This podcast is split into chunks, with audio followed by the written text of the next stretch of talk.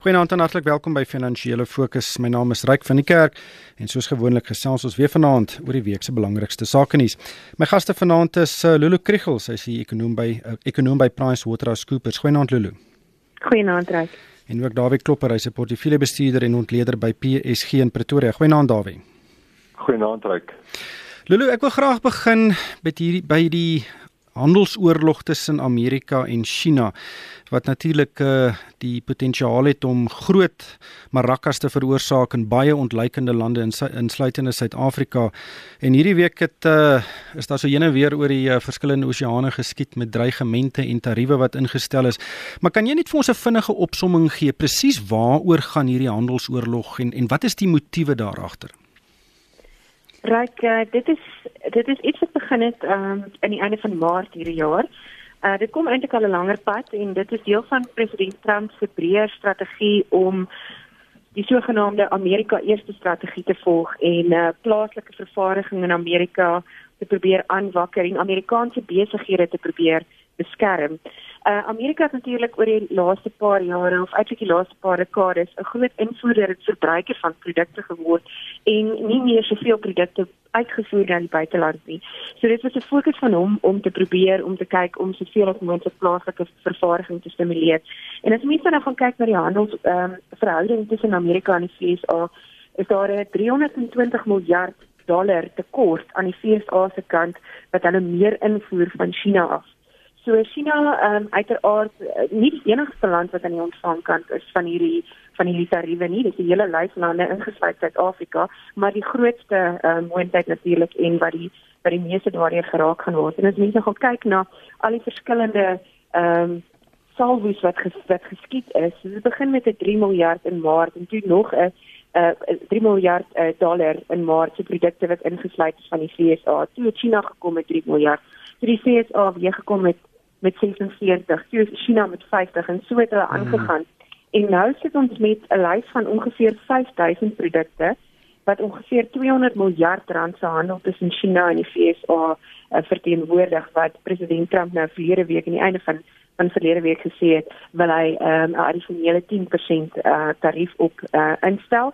En as mens gaan kyk na die produkte, sluit dit alles in van staal, aluminium, sojaboontjies, uh vervaardigde goedere nou op die nuutste lys, maar uh, ja, dis 'n hele lang lys van van goedere. En China natuurlik gaan nie terugsit en sê hoe hier ehm julle is nie vir ons belangrik of of dit is nie vir ons belangrik nie, maar wat hulle nou op hulle beurt begin doen het is om nou seker te maak dat hulle hulle verbintenis met die EU versterk ja. um, om dit te probeer uh, verminder. Daarby maar wat wat die impak word in ontleikende markte ge, gevoel ehm um, van ons produkte gaan ook nou weet tariewe op hê as ons dit uitvoer na Amerika toe maar hoe, hoe dink jy gaan hierdie uitspeel? Ja, ek dink die groot ding gaan wees dat ekonomiese groei wêreldwyd uiteindelik benadeel gaan word. As daar minder handel is, gaan die impak daarvan wees dat die wêreldekonomie in die in besigheid eintlik krimp.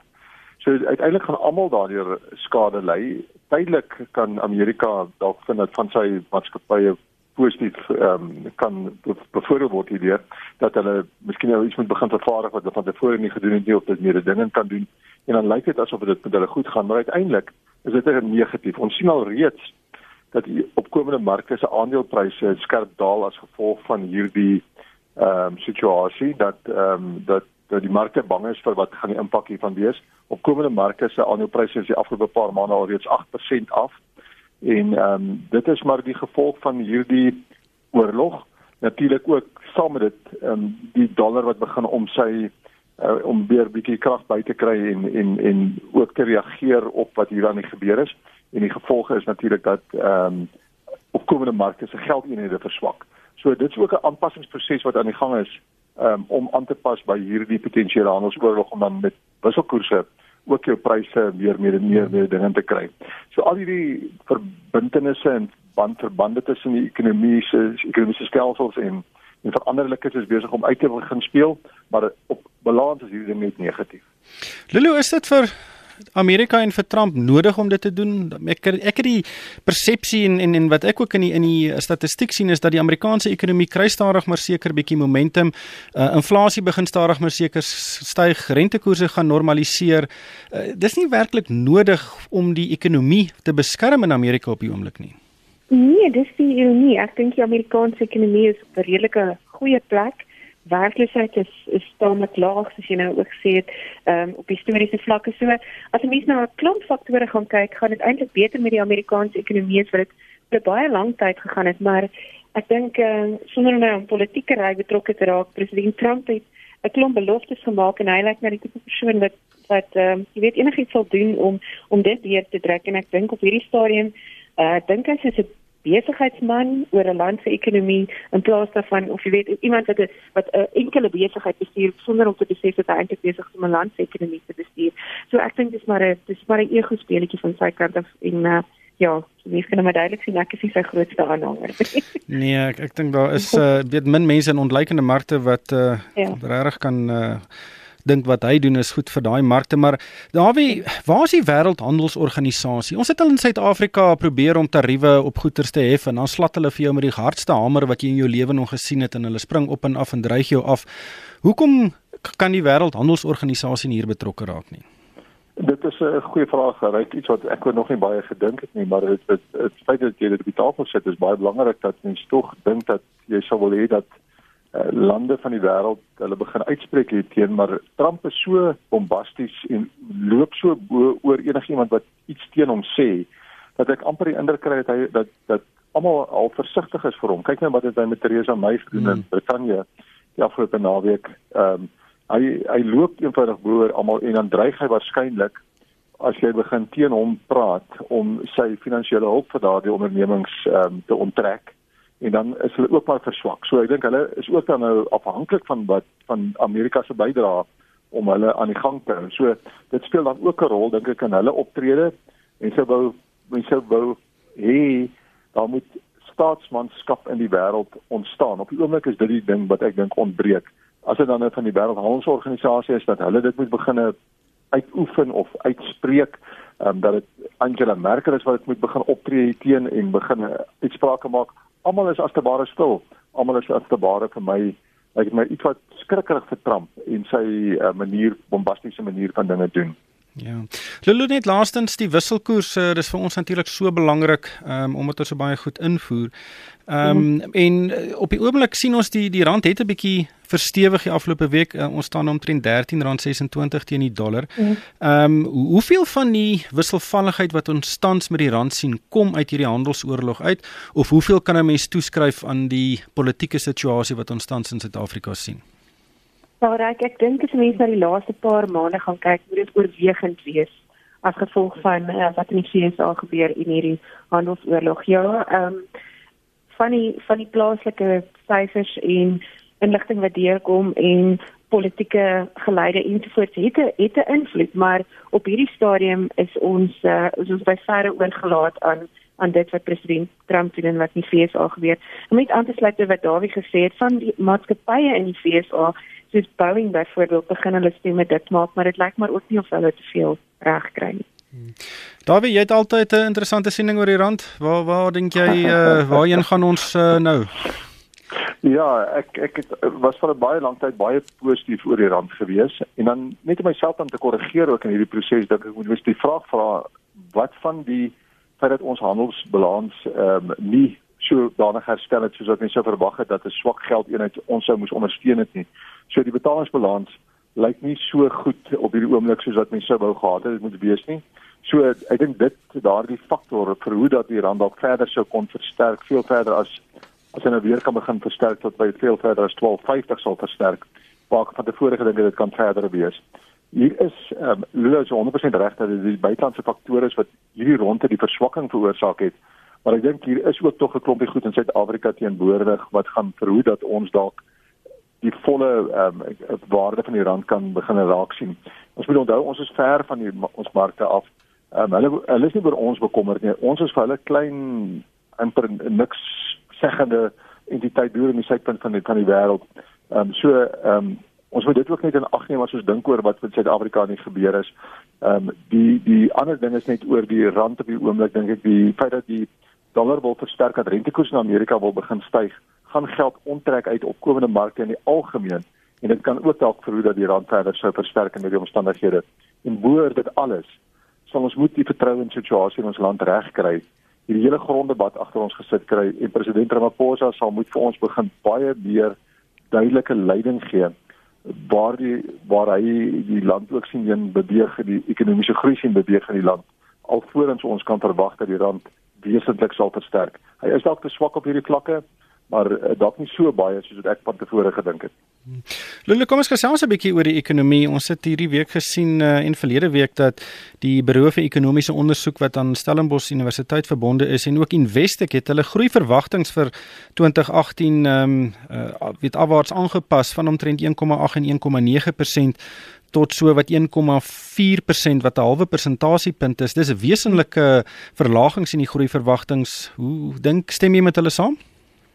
Ja, ek ongelukkig gedink uh, ons is almal geweldig positief en ons kon op die eerste kwartaal se se swak uh, groei syfers of die inkrimping in die ekonomie uh, miskien vir onsself probeer verklaar, maar soos wat ons geleidelik begin om nuwe inligting te kry oor die tweede kwartaal, besef ons dat ehm um, dat dinge nie heeltemal aan die reg kom is nie.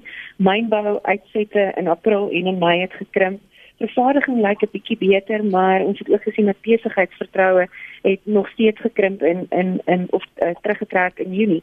So die uh, elke bietjie inligting wat ons kry ongelukkig sover oor die tweede kwartaal wys vir ons ook dat ons nie kan verwag dat daar 'n skielike verbetering in die tweede kwartaal in die ekonomie moet gaan gebeur nie. So as 'n mens dan daarna kyk, besef jy dat uh, ons verwagting van 2% groei of 'n nare omgewing is is net nie, nie realisties nie en dit is waarskynlik hierdie jaar maar weer min of meer gaan eindig waar ons uh, verlede jaar was.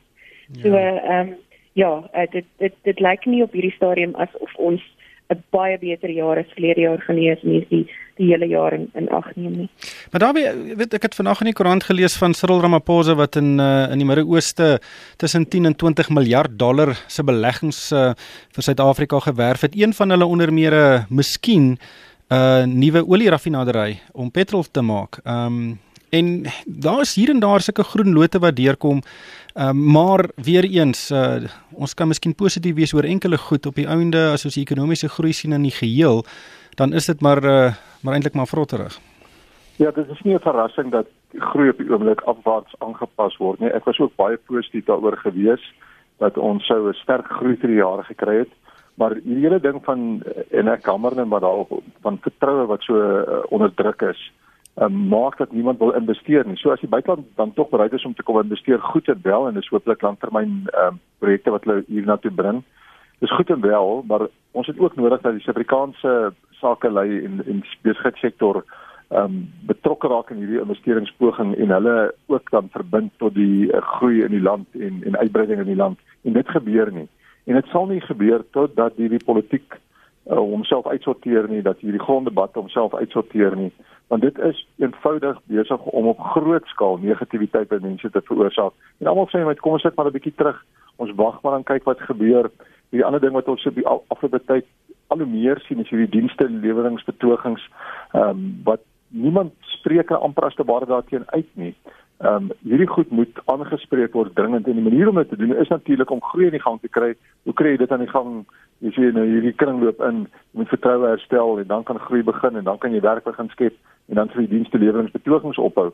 Maar ons het nodig dat die president dit vir ons uitspel. Hy het 'n klomp goed in sy openingsrede van die parlement gegee, maar ek dink ons moet nou begin terugvoer kry hoe vorder hierdie goed. Dis 'n komplekse probleem waarmee jy te kamp het, maar in hierdie kompleksiteit, um, voel dit vir my asof daar baie min gebeur. Kom ons gesels 'n bietjie oor iets uh, heeltemal aan die ander kant van die spektrum Lulu en dit is uh die vergoeding van direkteure um, PricewaterhouseCoopers of PwC het hierdie week 'n verslag uitgereik waar hulle navorsing gedoen het en die gemiddelde vergoeding vir 'n uitvoerende hoof van 'n genoteerde maatskappy in Suid-Afrika is sowat 25 miljoen rand per jaar. Finansiële direkteure uh, kry omtrent 15 miljoen rand, uitvoerende direkteure so 8,7 miljoen rand en uh, die verhouding van uh, die uitvoerende hoofde se vergoeding en die gemiddelde vergoeding van die ander werknemers in hulle betrokke maatskappy is sowat 65 keer. Ehm um, dit is net 'n uh, geweldige groot bedrag. Mm. Dink julle hierdie mense verdien hierdie geld? Lulu? Ehm um, ja, reg soos ek ag reg eh, as jy dit nou in in uh in, in wat mense per dag verdien, dan beteken dit 'n uh, uitvoerende beampte 68000 uh, rand en is navorsing wat uh, deur 'n kollega van my Gerald Seegers gedoen het. En uh, ons ons skat dat ehm um, 'n redelike loon om van te lewe in Suid-Afrika is iewers in die omgewing van tussen 10 en 12000 rand 'n maand. So dit gee mense aanduiding van daardie gaping. En as jy mens gaan vat ehm um, dat dit oor die laaste 10 jaar uh, daardie daardie verhouding omtrent met met 10 keer toegeneem het. Dit was hier in die uh, in die omgewing van 53 hier in die ehm um, in 2006 7 en ja, soos ek nou gesê het, kyk ons na ehm um, in die 60 uh, keer. So uh, ek dink die 'n mens besef dat ehm um, hoofuitvoerende beamptes van maatskappye het geweldige groot take op hulle skouers. Aandeelhouers verwag baie van hulle en eh uh, dat eh uh, mens ook 'n entrepreneur graag wil vergoed uh, waar hy die risiko neem um, om om tog ehm um, oordentlike vergoeding te kry. Mens verstaan dit.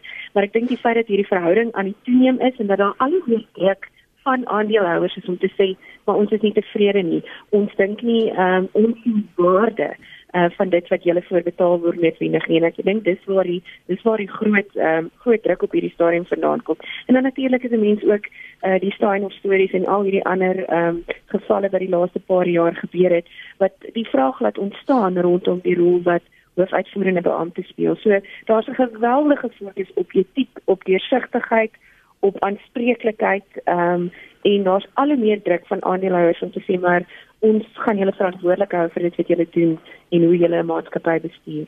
Dawie? Uh, ja, ek ek sou sê Lula het 'n opmerking gemaak en gesê dat hierdie um, uitvoerende hoofde neem risiko of hulle word moet vergoed word vir die risiko wat hulle neem. Baie van hierdie stukke vergoeding wat hulle kry is dan ook aandeelskemas en ehm um, aandeelopsieskemas en waar hulle dan nou nie die abaatse risiko noodwendig neem nie. So hulle kan uh, gaan en en 'n en 'n projek aanpak en kyk of hulle geld uitmaak, maar as dit dan misluk dan misluk hulle nie saam nie want hulle vergoeding neem dan nie daarmee saam af of die noodkomstige af nie op hulle aandeleeskema. Ehm um, hulle stap net eenvoudig weg daarvan af. So ek sou wou sien dat met 'n verband is tussen die maatskappy se vertoning en die uitvoerende hoofde se vergoeding. Daar moet gekyk word na die langtermyn ehm um, ehm um, prestasie van hierdie uitvoerende hoofde en dan moet baie minder klem op korttermyn prestasie gelewer, gelewer word. So ek sou sê genoteerde maatskappye se vergoedingskomitees moet baie meer verantwoordelikheid aan die dag lê ehm um, en sensitiwiteit aan die dag lê vir oor hoeveel hulle uitvoerende hoofde en hulle direkteure vergoed. Ehm um, en en en bewus wees van hierdie negatiewe verhoudings wat bestaan, hierdie geweldige vergroting in die verhoudings wat bestaan tussen die uitvoerende hoofde se vergoeding en die res van die personeel se vergoeding. Ja. Ehm um, en mens moet die vraag vra wie besluit oor hierdie vergoeding wat hulle kry, hierdie buitensporige bonusse wat betaal word. Wat is die vereistes wat jy moet aanvoldoen om om te kwalifiseer vir hierdie bonus? En wie is die besluitnemers? Dit is weer die vergoedingskomitees, weer die direktie, die, die direksie baie keer. So daar is 'n bietjie 'n ongemaklike ehm um, verhouding tussen in in hierdie proses wat ja. ek dink aan die ontstaan is. Maar 'n salaris van R68000 per dag dit uh, ek iewers is hier 'n baie groter etiese debat um as mm, blote vaardighede wat beskerm moet word. Maar in elk geval uh die tyd het ons ongelukkig ingehaal. Baie dankie aan Lulu Kriegel van uh, PwC en uh, ook aan Dawie Klopper van PSG in uh, in Pretoria. En uh, daarmee met ek groet van myself Ryk van die kerk. Dankie vir die saamluister en ek hoop almal het 'n winsgewende week.